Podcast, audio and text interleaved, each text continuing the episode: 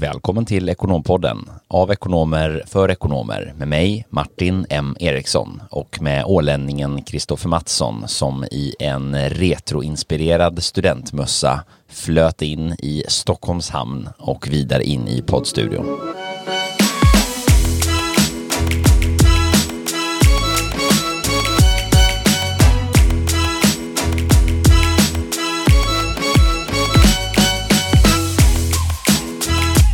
Ja, sjung om studentens lyckliga dagar. Kommer du ihåg din egen student Martin? Absolut, Eller? som om den vore igår. Ja, hur var den dagen då? Nej, men den var eh, väldigt rolig. Solig kommer jag ihåg. Vi hade magiskt bra väder. Eh, och det var mycket, många promille i blodet på många och eh, skärsår på fötter efter att ha badat i Götaplatsfontänen. Mm, ja men det väl, låter väl som en student ska vara. Det är väl härligt med lite sol. Det har ju varit lite blandat här nu i, i Stockholm förra veckan när det var eh, studentbjudningar. Det brukar ju kunna vara alltid den dagen det regnar. Det känns som att det har varit mycket regn på sistone. Mm, det har det varit, men eh, snart vänder det. Det var ju, vi hade ju en jäkligt eh, fin start på året här. I april var det ju grymt bra väder runt påsk och allting minns jag man var ju ute och i solen och njöt. Eh, ja. På västkusten i alla fall då. Ja precis, men då var det ju helt okej. Okay. Samtidigt så eh, pratar man ju nu om, eller man, men jag tycker ju att jämfört med förra året, alltså juni var ju helt magiskt eh, förra året. Då undrar man ju alla som hade tidig semester. Och nu har det ju absolut inte kommit någon värme än så länge, så vi får verkligen hoppas att det Ja, att vädret tar sig. Nu är vi inne och snackar väder igen här. Det, det, det är väl, då är väl allt som det ska vara. eller hur? Det, det är ju eh, onekligen det vi har lovat att vi inte ska göra. Så att det får bli ändring på det. Mm. Och på tal om eh, Stockholms hamn, har du noterat det stora skeppet som ligger eh, nedanför eh, Fotografiska, eller några Fotografiska, men i eh, Stadsgården där, ish? Nej, det har jag inte gjort. Berätta. Har du inte gjort det? Nej. Jaha, nej, det är ett eh, amerikanskt militärfartyg på 270 meter nästan. Jaha, det var... Som, eh, som har tagit ankar här och vi skämtar om det. Tänk om det är, får man ju inte göra, men tänk om det är ryssar i, i skeppet som kommer och anfaller oss men maskerat som ett amerikanskt fartyg. Det hade varit läskigt. Ja, det hade inte varit så jäkla trevligt. Du, apropå, apropå eh, amerikanska fartyg så eh, måste jag faktiskt passa på att tipsa om, jag gjorde någonting som jag väldigt sällan gör. Jag kollade på film här i veckan eh, en brittisk film som finns på SVT, eh, Official Secrets, som handlar om eh, eh, om eh, Irak-invasionen egentligen, eller i början av 2003 då när den här visselblåsaren Catherine Gunn avslöjade eh, dokument då som, som handlade om, om, om den här planerade invasionen och relationen mellan, eh, mellan England och, eh, och eh, USA. Superbra och sevärd faktiskt, eh, måste jag tipsa om. Ja, men det tackar vi för. Alltid härligt med lite eh, film och serietips. Mm. Och apropå film och serietips så ska inte du göra det. Du ska ju neråt och spela golf i helgen. Ja, eller jag var faktiskt förra helgen nere i Österlen och, och spelade eh, golf i typ 20 meter per sekunds motvind och, och, regn. Man kan ju tänka sig att det är bara galningar som ger sig ut då. Det var man brukar prata om utmanande golfväder, men det var sannoliken utmanande. Men med det sagt så har faktiskt golfsäsongen börjat lite oroväckande bra. Jag har sänkt mig eh, vid två tillfällen redan och det är ju försäsong, eh, så att eh, det ska bli spännande att se vart den här säsongen slutar. och du kör, vad heter det, panot, kan, panot, kanotpaddling och kajakpaddling här i, på Koster. Nej, nej, inga kanoter för min del, bara kajak.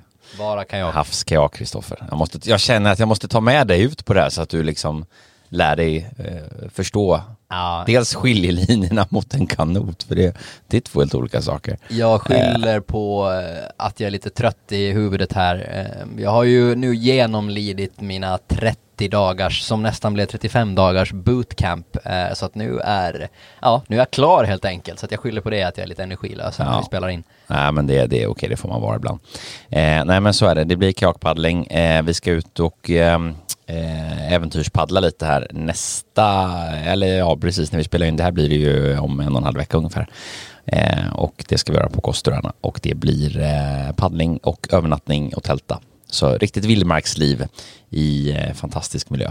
Härligt. Eh, vill du ha med, eller vill du ha en insikt som jag har kommit till efter de här eh, dagarna när jag har svettats på Fightbox på Södermalm? Ja, Det tar jag gärna. Vad skulle det kunna tänkas vara? Att det är lätt att lägga på sig några kilon, men det är desto jobbigare att bli av med dem. Ja, nej, så är det. Det är ju så sant som det är eh, sagt och det är väl kanske ingen nyhet för någon heller. Men, men jag tänkte just det här med alltså mindset och personlig utveckling som vi har pratat ganska mycket om här i, i podden också. Men just här, alla de otaliga morgnarna, det har ju varit 06.30 uppstigning och, och framförallt de morgnarna det har regnat så har det varit extremt tungt och just det här jag har kört med en kompis och just det här som för att eh, återkoppla till det du och jag har pratat om när man sitter och ligger och väntar på att eh, kompanjonen ska höra av sig och, och, ställa in. Så var det det som hände just sista dagen på, på passet och det regnade, det ösregnade ut och tänkte bara nej men vet du vad, jag, jag ställer in idag också. Eh, och då var det någon, jag minns inte exakt vem det var som sa det till mig men att har du någonsin ångrat ett träningspass efter du väl har utfört träningspasset? Och då låg jag där och tänkte att gör jag det här för min egen skull eller gör jag det för, för Mickes skull då, som jag kör med? Exakt. Eh, hamnade dit och det blev faktiskt det bästa passet med flest brända kalorier av alla eh, mm. eh, under hela det här bootcampet. Så att efteråt var man verkligen stolt att man ändå släpade sig iväg och det är väl en uppmaning till alla när man just känner det och snör på skorna att, att det är bättre att åka dit och göra ett dåligt pass eh, som ju ibland kan bli ett fantastiskt pass men framförallt bara det här att släpa sig iväg för att man, ja, man har nog aldrig ångrat ett bra träningspass tror jag. Nej, verkligen det. Och den där, den där insikten du delar nu tycker jag är, är jäkligt, alltså on point faktiskt. Många har ju en förmåga att glömma av vem man faktiskt gör saker för. Alltså det är ju faktiskt så här att vi är ju inte tvingade att göra någonting. Det är väldigt få saker vi är tvungna att göra. Vi är inte ens tvungna att äta om vi inte vill. Nej, det är, vad heter det, vad är det man säger? Man ska, man ska födas och dö. Det är det som är skrivet i sten liksom. Ja, nej men verkligen. Det är så. Och allt annat är frivilligt. Um, och sen kan man ju liksom ha motargumentationer om det där och folk säger att nej men vad då frivilligt, det är inte, det är inte frivilligt och, och man, man, måste ju till exempel ha ett jobb. Liksom. Nej, det måste man ju inte ha. Nej men du måste ju ha en inkomst och, och nej men det behöver du inte ha. Det, det är frivilligt att göra precis allt. Allt i livet är frivilligt. Så är det, så är det. Man måste följa lagen. Fast det är ju egentligen också ett, ett eget val att göra. En rekommendation. Nej men på riktigt, nu ska ju inte vi uppvigla till, till eh, brottslighet här, det är inte syftet, men påminna just sig själv om att Eh, jag gör ju egentligen till syvende och sist allting för min egen skull i någon form, eller jag har ju ett val. Ehm, och då att sitta och göra någonting halvdant, för det är lite det du är ute efter, vad syftar det till? Ehm, så ehm, nej, det, det är någonting som är sunt att ha med sig. Verkligen, samtidigt bara innan vi lämnar det här just det med att göra saker halvdant. Om vi då ska återkoppla till den här boken som jag rekommenderade tidigare, Atomic Habits och 1%-metoden, så hävdar ju han också att även om du känner dig inte liksom på topp idag, ja men jag har det här träningspasset inbokat, så är det bättre att du åker dit och snör på dig skorna och gör det halvdant än att du inte gör det bara för att du övervinner den här initiala då, nej men det här, ingenting som jag ska göra. Ja men exakt, men det är ju definitionen av halvdant. Där blir ju liksom kanske då att du går upp trots regnet och att du inte mår bra och går, går på den bootcampen.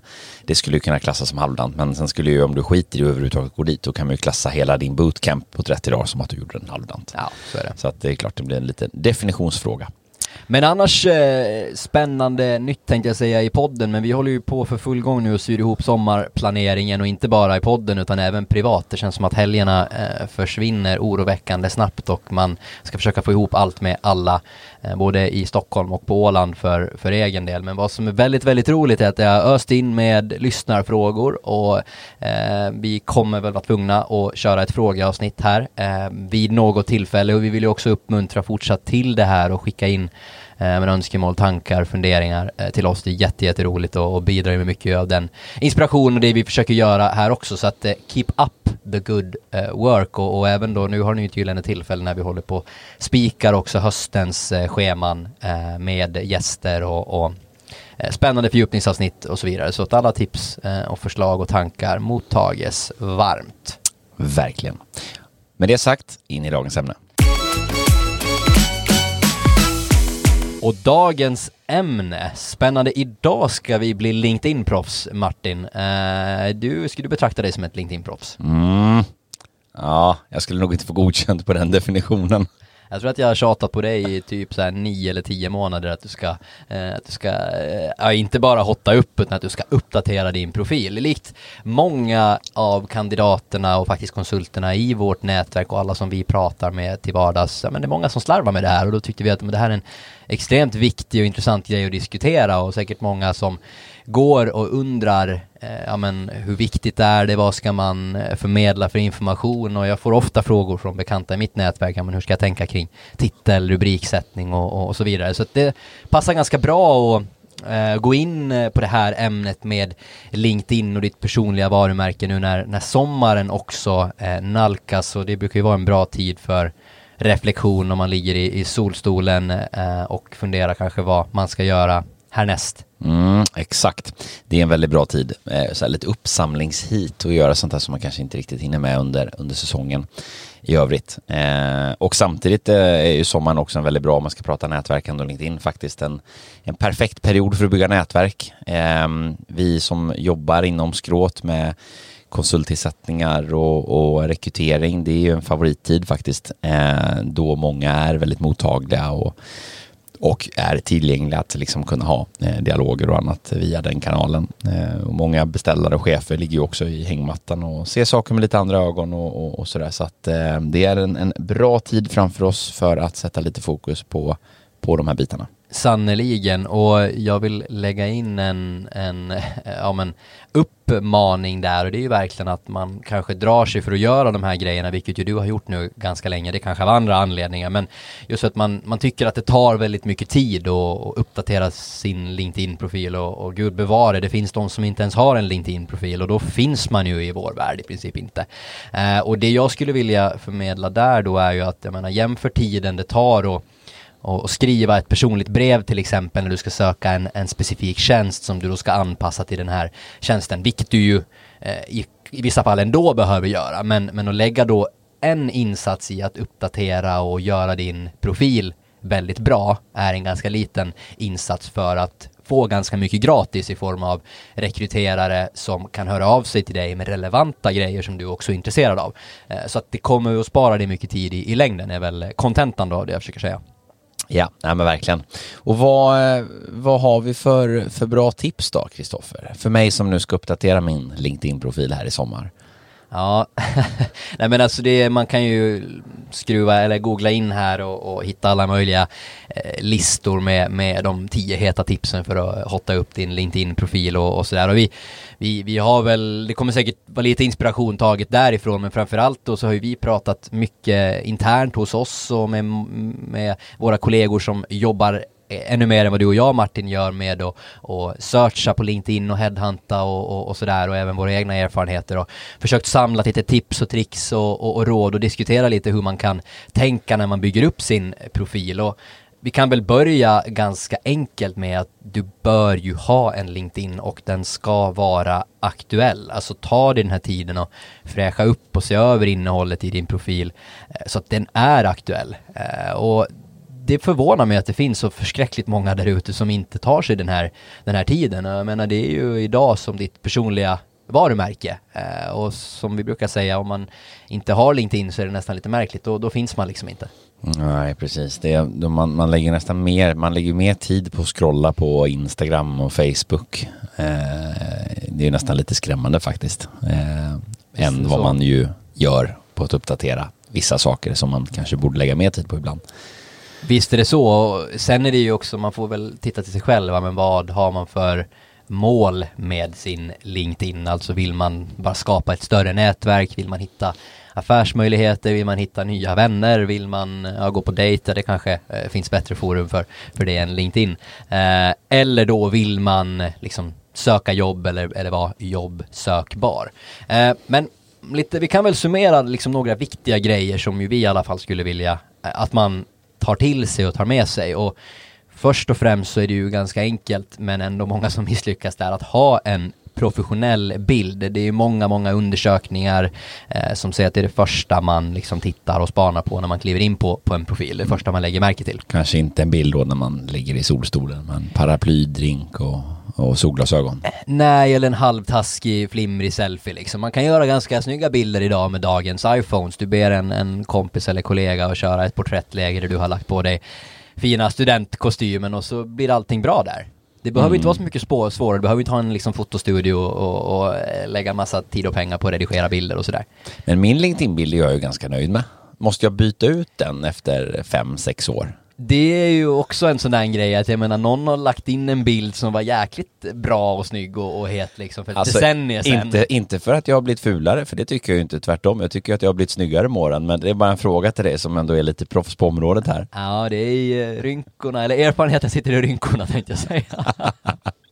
Menar du att du har blivit rynkig då? Eller? Nej, men jag pratar, det är ju det jag sitter och tittar på här i studion. Jaha, ja, härligt. Nej men och på tal om det här med, med drink, drinkar och, och liksom en, en solstol. Eh, det, vi har ju då dels profilbilden eh, som ju är den lilla runda grejen. Sen har du ju även då bakgrundsbilden som man ju kan nyttja, kanske inte till till cocktails för att det kanske inte är det mest relevanta. Lite beroende på förstås vad, vad du gör och vad du vill förmedla. Men, men där kan du ju, mm, uppmaningen där är att faktiskt se över bakgrundsbilden och ändra den till någonting för att då kanske få fram din personlighet, din karaktär, vad du är intresserad av och vad du gillar. För det är också någonting som många undersökningar och även när vi har pratat runt ganska mycket, men man, man lägger ju märke till det också, någon som har lagt effort och, och, och det ganska enkelt sätt för att sticka ut ur, ur mängden så att säga. Ja, det, det, det kan jag faktiskt hålla med om. Det har jag själv reagerat på när man har sett vissa, eh, vissa profiler. Jag var inne på en profil som jobbar... Det stod carpe diem på.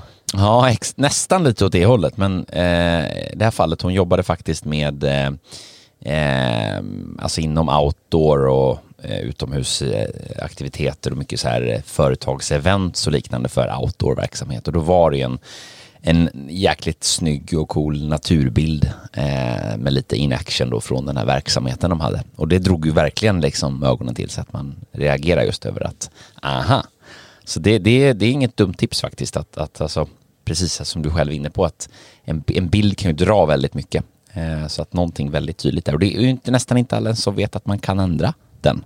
Nej, eh, det är som sagt vi får jättemycket frågor om det här hela tiden. Senast idag var jag på, på lunch faktiskt med en konsult som, som undrade en del kring det här och om vi lämnar kanske då bilderna, bakgrundsbilderna så är ju en av kanske de absolut viktigaste grejerna är ju den rubriken eller liksom titeln som du har i ditt namn då, det som du gör om dagarna. Eh, och det är ju det som styr mycket av sökbarheten när rekryterare är ute och, och, och jagar vilka träffar de får, eh, vilka kandidater som, som kommer upp då. Eh, så det är jätte, jätteviktigt att man har en, en ja, tydlig eller otydlig lite beroende på vad man vill då, men att man har en, en bra sökbarhet alltså. Och det här är ju det som tycker jag blir ganska intressant just när den här titeldjungeln bara blir eh, ja, snårigare och, och, och snårigare. Jag diskuterade det här med en, en god vän till mig som jobbar, eller initialt jobbar egentligen i en redovisningsroll. Eh, men som mer och mer de två senaste åren jobbar ganska mycket mer med controlling idag, uppföljning och analys. Och det är det som är hans intresseområden framåt. Men det står fortfarande eh, accounting clerk eller vad det nu står på hans LinkedIn. Vilket ju leder till att enda, den enda typen av jobbförfrågningar och intressen han får från rekryterare etc. Men det är ju roller som är väldigt, väldigt starkt kopplade till redovisning. Och ibland, ibland eh, kan man ju också passa sig lite för att ha för komplexa eh, beskrivningar. För står det Accounting Specialist, Process Development, Controlling, Financial Analysis and Team Lead of this all så blir det jäkligt rörigt.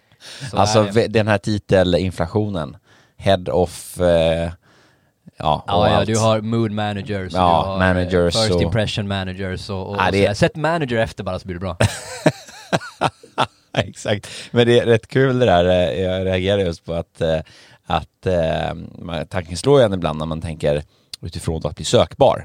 En sak är att vara alltså, attraktiv, att du liksom vill bygga någonting så att du fokuserar på det som är då relevant i din profil. Alltså det kanske inte bara behöver stå redovisning om du jobbar inom ekonomi och med redovisning utan du kan, kanske kan lägga lite tonvikt på vad i redovisningen du gillar. Liksom, om du gillar utvecklingsarbete eller om du är mer av en en annan profil och har en annan inriktning.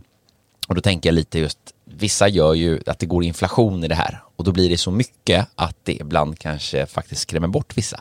Det blir för rörigt helt enkelt.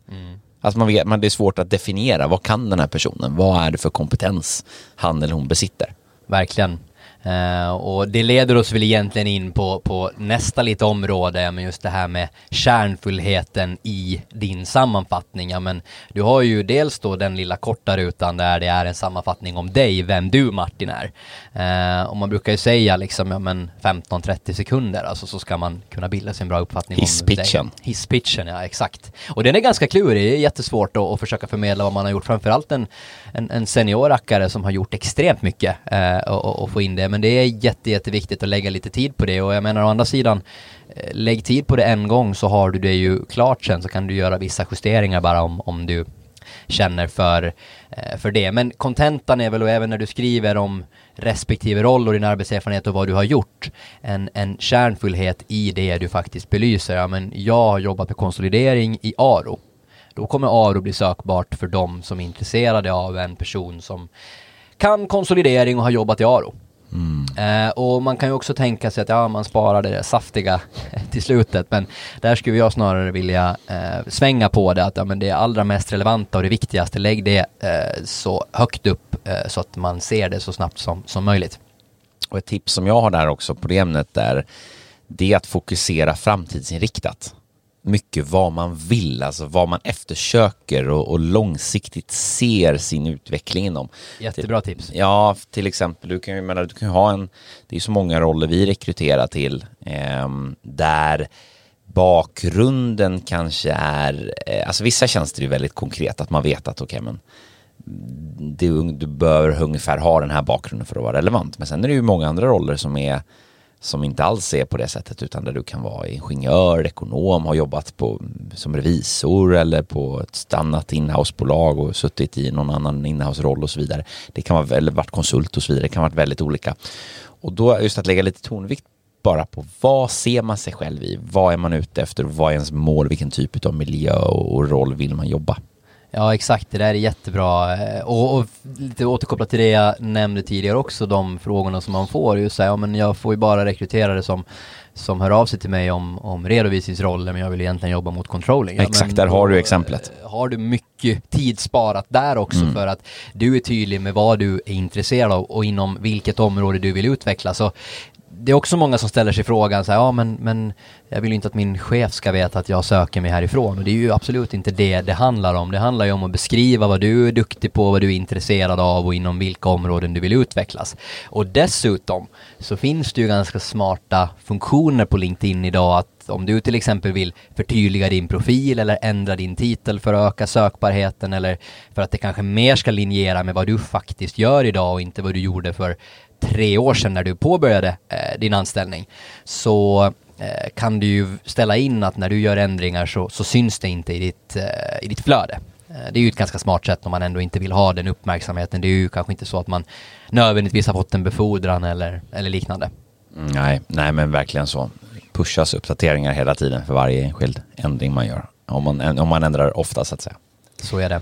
Nej men kompetenser, jätteviktigt att lyfta fram. Alltså har du jobbat med UseGap eller IFRS eller K3, K2-bolag eller eh, du är jätteduktig på eh, inkomstdeklarationer eller få, få, fåmansbolag eller vad den kan tänkas vara. Var väldigt konkret och tydlig eh, så, så tror jag att det, du kommer väldigt, väldigt långt och framförallt mm. ökar också sökbarheten för att eh, det är så vi jobbar från andra sidan. Då skriver man in IFRS and ARO and koncernredovisning och så får man upp alla som har gjort det. Exakt så. Och det är ju det, sökbarheten. Är du sökbar så, så finns du att hittas. Och eh, apropå det här med att vara kort och koncis, jag, jag drar mig till minnes en som jag såg en gång. Apropå, apropå det som du var inne på tidigare, just att vara, vara senior och sammanfatta att det inte alltid är så enkelt. Eh, den här killen har gjort det väldigt enkelt för sig. Eh, då stod det Deep and wide experience in different areas. En riktig mångsysslare och generalist. Den glömmer jag aldrig.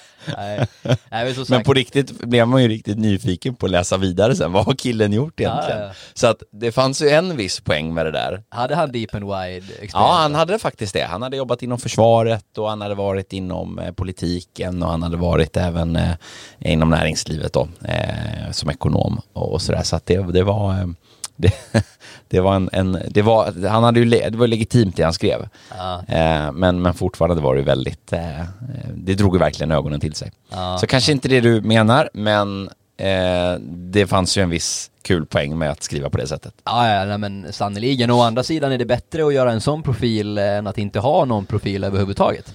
Eller att inte skriva någonting alls där. Exakt, då är det i alla fall lite humor i det. Eh, så så att man kan ju nyttja det här på, på många olika sätt. Det finns ju en annan funktion också, alltså media, bilagor, man kan lägga in språk, vilka språk man talar. Eh, rekommendationer är en jättebra grej, man kan ju ge och lämna rekommendationer och det blir ju någonstans ditt proof of concept att ja, men Martin här har intygat att jag är jäkligt vass på, på IFRS eller jag är väldigt, väldigt bra på koncernelimineringar eller, eller någonting annat. Eh, så att det är någonting vi, vi verkligen rekommenderar och, och även uppmun, uppmanar och uppmuntrar alla till att göra, lämna och ge rekommendationer och hjälpa varandra eh, i det här. Jag menar, jag gick en ledarskapsutbildning, ja men lägg in det som ett certifikat eller jag certifierar mig inom eh, vad heter det, färgerna tänkte jag säga, han är eh, Thomas Eriksson Eh, diskanalys. Diskanalysen, ja. ja, precis. Um, ja, men en artikel som man har skrivit eller man har en hemsida eller man, man driver ett eget bolag och det är ju det som jag tänkte faktiskt lägga lite tonvikt på just att driva eget bolag. Alltså alla interimskonsulter där ute som de facto gör det. Hur illa, eh, hur illa uppdaterad profil många har. Och det förvånar mig. Och jag vet inte om du delar min uppfattning här Martin, men eh, om jag hade fått bestämma så hade jag ju, det är väldigt, väldigt vanligt att man ser då, ja men eh, jag driver eh, seniorekonomikonsult sedan sex år tillbaka i, i det här bolaget som ofta är efternamnet och eh, Invest eller eh, Consulting. AB eller Consulting. Eh, och sen så står det då egentligen bara uppdrag inom ekonomi och, och, och finans och så sen 2014 har man hållit på med det här. Istället då för att ha en kort men koncis lista, vilka uppdrag har du varit på, vilka bolag och vilka tidsperioder och framförallt din tillgänglighet. När är du potentiellt intresserad av nya utmaningar och nya uppdrag? och gärna då också vilken typ av uppdrag. Men det här leder ju i slutändan till att du slipper få massa onödiga samtal när du kanske är på ett uppdrag och du får istället de här samtalen när det faktiskt är dags för dig att se sig om efter nya upp, uppdrag och utmaningar. Ja, nej men så är det väl. Och eh, jag kan väl tänka mig enda liksom motargumentet mot, mot det här då. Eh, det är ju att man som, som konsult kanske har ett ganska etablerat nätverk med befintliga partners. Man, man har ett tajt samarbete med, som vi ju har ett tajt samarbete med många av våra konsulter. Vi vet ju när de kliver av, vi har en nära relation med dem. Och det är väl att man kanske nöjer sig med det, att man inte vill, man kanske inte vill fronta. Det är ju, det är ju liksom det naturliga motargumentet. Så är det ju Ehm, eh, men, helt klart. Men, men, men visst är det precis som du beskriver att det, det, det, man ska inte sitta och, och smågnälla över att man inte har ett tillräckligt spännande uppdrag om man inte har gjort sin hemläxa med LinkedIn-profilen. Exakt, det är lite det- det, det är ju- min, min är poäng ju. är att jag menar om du har ett, ett starkt etablerat nätverk och byggt ditt personliga varumärke så, det kan ju vara en eh, genom en halvtaskig LinkedIn-profil, då är det kanske inte där som, som problemet är. Men det är ju mycket man kan göra, mycket små medel för att förbättra det och, och då kan man ju inte heller sitta och klaga på att man inte får eh, uppdrag om man inte gör de lilla små knepen som ändå finns. Men, men som sagt, det kan ju också finnas eh, nackdelar med det just det här med, vi får ju ganska ofta Martin frågan med, men vad ska man göra när rekryterare hör av sig och, och är det otrevligt att inte svara på dem och, och sådär. Och jag vet inte vad du säger Martin, men spontant så skulle jag väl ändå säga att även om det under en period kanske du inte hinner med, men det är bättre att ändå kanske svara på ett, ett meddelande man får eh, än att inte svara eller återkoppla alls. Och bättre då att du gör det för sent, alltså ett halvår senare är bättre än att inte göra det. Ja, där håller jag faktiskt med dig fullt ut. Det är väl en väldigt bra, en väldigt bra instickare. Du, jag menar, då kan man ju alltid, andra, då kan man ju alltid ducka under att man inte är så aktiv. Alltså det, det, och det behöver du inte ens ducka för det är lite underförstått också. Men du svarar ett år senare, ja men eh, fair enough. Du, det, du har inte varit aktiv här eller varit inne här. Det är ju inte en primär kanske kanal heller, även om det kommer till mejlinkorgen och sådär så är det ju ingen som kanske förväntar sig att det, det är något fel i det så att säga. Utan att det är svara och tacka hellre nej, det, det håller jag verkligen med om. Mm. Nej men det är mm, bra tycker jag eh, tankar och just det här med är det, blir det för otydligt och för diffust så kan man ju också riskera och, och dels att man inte får de här samtalen för att eh, man inte vill eller har tiden att engagera sig i en person för att man tänker att ja, den här har nog inte gjort det eller det eller det. Eh, tillika att man kan få ganska mycket irrelevanta förfrågningar också som inte ligger i linje med, med vad du kan och vad du är intresserad av. Ja, verkligen. Och jag tänker att det är ju eh, onekligen också på det sättet att eh, det är ju lite konjunkturfråga i allting. Nu befinner vi oss och har ju befunnit oss ett tag i en period med extremt hög efterfrågan och, och det, det, gör ju att många kan uppleva att men, eh, det blir väldigt mycket kontakter och, och, och, nästan lite för mycket ibland och det kan man ju respektera och förstå. Men ta vara ändå på det någonstans långsiktigt. Ta, ta lite tid i sommar och passa på att svara med ett artigt meddelande bara. Det behöver inte ens vara så kort, så långt utan det kan vara ganska kort och, och man, plötsligt en dag så har ju faktiskt marknaden vänt och vi har liksom lite andra, andra marknadsförutsättningar och då är du ganska glad över att ha ett, ett fint eh, nätverk. Så att respektfullhet eh, och artighet kommer man ju väldigt långt på. Verkligen och eh, jag skulle vilja skicka en till uppmuntran och just det här med att och kanske ignorera ibland eh, meddelanden och, och, och sådär rekryterar. Det är ju ofta ganska mycket, det är en het potatis det här med att man söker en tjänst eller, eller ett uppdrag och, och många där ute ska jag väl ändå säga kanske är mer eller mindre bra på att eh, ja, återkoppla på, på ansökningar och sånt där. Och det är någonting som vi försöker jobba stenhårt med internt hos oss. Men det är inte min poäng här, utan jag skulle faktiskt vilja vända på det och, och, och skicka en liten brasklapp eh, å andra sidan. Att just de gångerna när man är i en process, man har lagt ganska mycket tid och engagemang och fått träffa kund, rekryterande kundföretag via till exempel en rekryteringspartner eller liknande. Och så av någon anledning kanske man får kalla fötter och känner att Nej, men det här var inte rätt för mig eller jag är inte intresserad längre att man bara slutar att svara. Ja. Det är, Nej, alltså man det... bränner sig så ja. extremt enormt mycket och jag tycker det är så märkligt att det sker och ändå sker så ofta. Ja, precis. Det, det, det är också ett bra, ett bra medskick. Respekten snarare i att, vet du vad Martin, jag har funderat och funderat och funderat igen eh, och jag känner att ja, men, av olika anledningar så är inte det här rätt för mig just nu. Så slipper man också ha den här rekryteraren som hör av sig 12, 13, 14, 15 gånger för att få det svaret. Så att eh, det är verkligen en, en eh, uppmuntran och uppmaning att eh, bättre att vara liksom tydlig och, och, och, transparent. Det är precis som eh, vi kan ha pratat tidigare, kanske inte det här forumet, men när man dejtar personer så istället för att ghosta någon så kan man ju faktiskt vara helt ärlig med att säga, vet du vad, jag känner att, att det här var ingen bra matchning eller jag är inte intresserad i dagsläget. Nej men verkligen.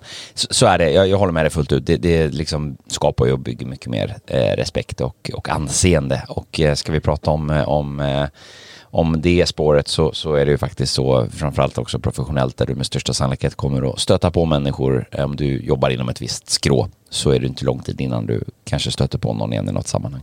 Verkligen, det blir så tydligt det där sen när man då till exempel har ignorerat en, en rekryterare under en viss period. Sen kommer man och knackar på dörren igen åtta månader senare och förväntar sig att någon ska vilja vara engagerad och, och hjälpa en framåt. Det, det, blir, ganska, blir ganska märkligt också. Eh, så att, eh, ja, du märker att det här är ett ämne som jag verkligen går igång på. Ja, det kan man lugnt lugnt säga. Jag kanske ska anlita det för att uppdatera min LinkedIn-profil här, Kristoffer. Ja, uppenbarligen så har det inte hjälpt. Jag har ju tjatat på dig i ja, alldeles för lång Nej, tid. Du, men... du har faktiskt, eh, det får jag faktiskt göra själv. Du har ju många, många, många viktigare saker att göra. Och för då att ge dig lite extra yttre påverkan och, och, och tryck så att eh, uppmanar alla här till att bevaka Martins eh, LinkedIn också så kommer det säkert att ske lite uppdateringar där. Ja, Nej, men det kommer över sommaren. Jag ska börja här, eh, tänker jag. Jag ska börja innan detta avsnitt släpps. Så att när vi släpper det här, då har jag kommit igång i alla fall. Och sen ska jag lite successivt här under sommaren se till att uppdatera det så att det blir riktigt, riktigt eh, trivsamt och eh, korrekt. Jättebra, men jag tänkte vi skulle kunna köra en liten snabb bara distinktion mellan kanske någons LinkedIn-profil och ett, ett CV då som ju kanske i, i regel är lite mer detaljerat om vad man faktiskt har gjort och ens arbetserfarenheter och LinkedIn som vi var inne på tidigare är ju ens digitala eh, personliga varumärke egentligen och, och lite oberoende om du är där för att söka jobb eller bygga ett, ett professionellt eh, nätverk då. Mm, precis. Nej, men eh, det är ju lite ditt digitala CV, minst sagt. Eh, får ju ofta den här frågan och eh, det, det, är ju en komplett, snygg, bra, eh, alltså informativ eh, LinkedIn-profil är ju det är egentligen det du behöver idag.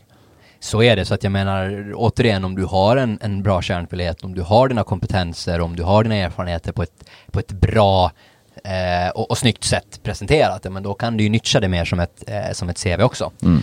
Uh, så att, och sen kan du alltid, jag tänker oberoende om det är ett CV eller ett LinkedIn, så, så jag personligen, det här är ju väldigt, väldigt mycket smak och sak. Vi får jättemycket frågor om uh, bilder, uh, hur många sidor ska mitt CV vara, etc. Och, och, här är ju min uppmaning igen att, ja men kort och koncist, vad vill jag, varför är det här relevant? Och, och att då har den här, eh, alltså ett, ett appendix egentligen som specificerar då till exempel projekt eller achievements du har, du har gjort så att du kan ha en ganska, ja men en frontpage eh, med ganska tydligt och snyggt liksom vilka arbetsgivare och ungefär under vilka tidsperioder och, och, och liknande, vilka system du tillämpar och sådär. Sen kan man ha en appendix med lite mer förtydligande kring vad du har gjort, vad arbetsuppgifter och, och sådär. Det är ett ganska bra sätt också för många seniora konsulter till exempel som har varit på väldigt, väldigt många olika uppdrag och gjort många olika saker. Så ett ganska snyggt sätt att presentera vad man har gjort. Och du menar appendixen som nedladdningsbar fil då?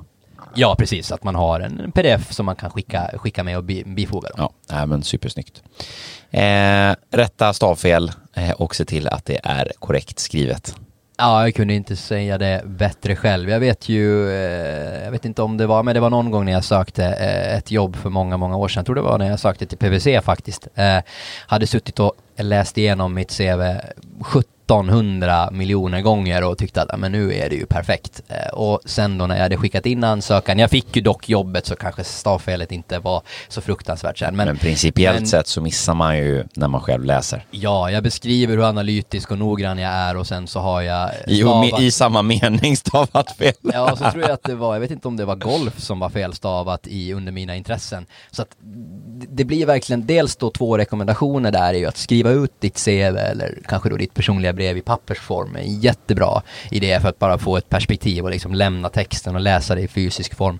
Alternativt fyra ögonsprincipen. Be en mm. kompis eller en förälder eller en bekant eller kollega och läsa igenom och till och med kunna feedbacka är ju en jättebra eh, bra idé. Mm. Ja men bra, när man har en komplett och bra LinkedIn-profil då, om vi tittar lite på det här med nätverkande på LinkedIn, eh, som vi ju inledde lite med idag och säga också att det är en ganska bra tidpunkt. Det är väl en bra tidpunkt året om så det finns väl kanske ingen dålig tidpunkt för det men, men man kan väl passa på lite när man, när man har lite extra ledig tid kanske att eh, att eh, surfa runt på LinkedIn och lära sig mer om olika sökfunktioner och hur man hittar och, bygger relationer och sådär. Men vad är egentligen kutym? Hur funkar det här nu? Hur kan man lägga till vem som helst och expandera sitt nätverk hur som helst? Eller eh, hur tänker man kring det? Ja, alltså min åsikt är ju att man definitivt kan göra det. Och många är ju kvar i det här att jag eh, eh, mitt nätverk är bara med personer som jag träffat fysiskt. Och, och det är väl inget fel i det i, i, i, sig men jag tycker också att en uppmuntran till att inte vara rädd för att eh, skapa nya kontakter och framförallt inte så som eh, ja, det landskapet vi jobbar i idag som ju blir allt mer digitalt. Så att bygga ut nätverket och, och eh, ja, men kanske ha som mål att ja, men jag ska ha 20 nya kontakter per, per dag och dela lite mer relevant innehåll, eh, skriva egna inlägg och, och, och sådär. Att jag skulle säga vi kan ju ta det egentligen som, som ett ämne, alltså hur tar man sin LinkedIn egentligen till, till nästa nivå? Hur blir jag en, eh, eh hur bygger jag mitt personliga varumärke? Och du har kanske din eh, snygga, schyssta porträttbild, du har en bra arbetsbeskrivning, du har specificerat dina kompetenser. Ja, men vad kan du göra då då? Jo, men du kan ju börja nätverka. Alltså man skulle kunna se LinkedIn som att gå på ett mingelparty. Eh, lite sådär, ja men det finns många som är på party men inte minglar så mycket. Digitalt och, och, mingelparty. Ja men exakt, desto mer du engagerar dig, eh, desto bättre egentligen. Och personligt dock så kan jag ju ibland tycka att det finns en del som, som är lite väl, det kan bli lite för mycket så att på kanske någon lagom, lagom nivå. Eh, det finns ju de där jobbiga jäklarna, du vet Martin, som, som bara, ja men det är tio inlägg om dagen med massa emojis om, om konstiga saker. Eh, och det är ju också ett tips då, eh, om vi återgår till hur man blir bättre och mer professionell, så är det ju ett nätverk för eh, alltså professionellt nätverk. Så jag menar personliga anekdoter och bilder och, och berättelser. Det kan man lämna till Instagram och, och Twitter och Snapchat och, och, andra forum. Mm, precis, men, men ändå vara lite personlig men inte privat. Exakt, precis så. Och det är ju en hårfin eh, eh, balans. Mm. Och där eh, sa det, man ska absolut inte uppmuntra till någon skärmtid, eh, snarare tvärtom att, att gå ut och leka med en fotboll eller något annat. Men eh, beroende naturligtvis på dina ambitioner och vad du vill uppnå, men, men var aktiv. Alltså, kör 5-10 minuter om, om dagen och scrolla lite i flödet, gilla, kommentera, gratulera folk till nya, nya titlar och, och, och så vidare. Det, det, kommer göra att flera besöker din profil och du kommer bygga ditt nätverk ganska, ganska snabbt genom, genom det. Mm. Nej, väldigt bra, bra tips också och eh, allting grundar sig i att eh, vara sökbar och sen vara synlig och lite aktiv eh, så ger det ju en hel del.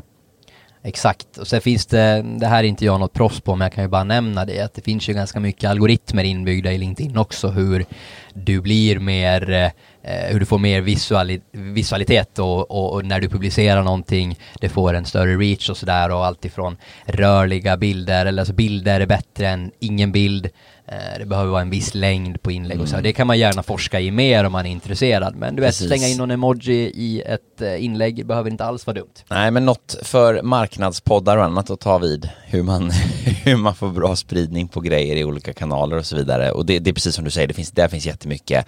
Om man är intresserad så finns det mycket att läsa på. Så att eh, har man liksom en, en ambitionsnivå här av någon anledning kommer man ha varit med det här verktyget eh, oavsett syfte så att säga, oavsett om det är marknadsföring av ens egna varumärke eller om det är eh, att eh, bygga nya affärsrelationer eller vad det än må vara så, så eh, finns det väldigt mycket att, att läsa på kring just det också.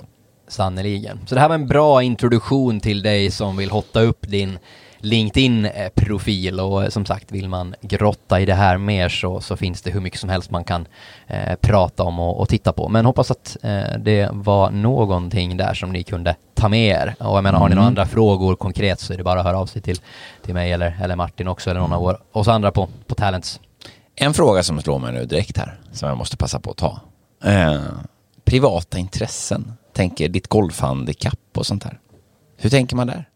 Ja, golfhandikappet i sig kanske inte Nej, så, inte så, handikappet så i sig, men jag men tänker... Jag kan ju tycka om det finns en, eh, en poäng med att berätta vad du, vad du liksom, det kan ju säga ganska mycket om dig som person, men jag har spelat tävlingsinriktad fotboll i hela mitt liv och jag har varit lagkapten mm. och, och sådär. Det kan ju vara någonting som kan vara relevant i de potentiella tjänster jag söker också. Eh, jag menar, snarare då återigen kärnfullheten i det, att inte skriva långa haranger om hur mycket man gillar att vara i skogen och naturen och gå ut med sin hund och plocka bär, utan det ska ju ändå vara relevant. Så att välj ut det du tror då att, att eventuellt skulle kunna vara eh, intressant för, för den tjänsten du potentiellt söker då. Mm, eh, så länge det, man inte söker någon tjänst på som generaldirektör för Naturskyddsföreningen eller liknande. Ja, då. men då är det kanske precis det att jag har varit, jag orienterar eh, proffs fast man aldrig har varit ute i skogen. Ja, då behöver man inte kanske nödvändigtvis ha ja, någon törstig bensinbil som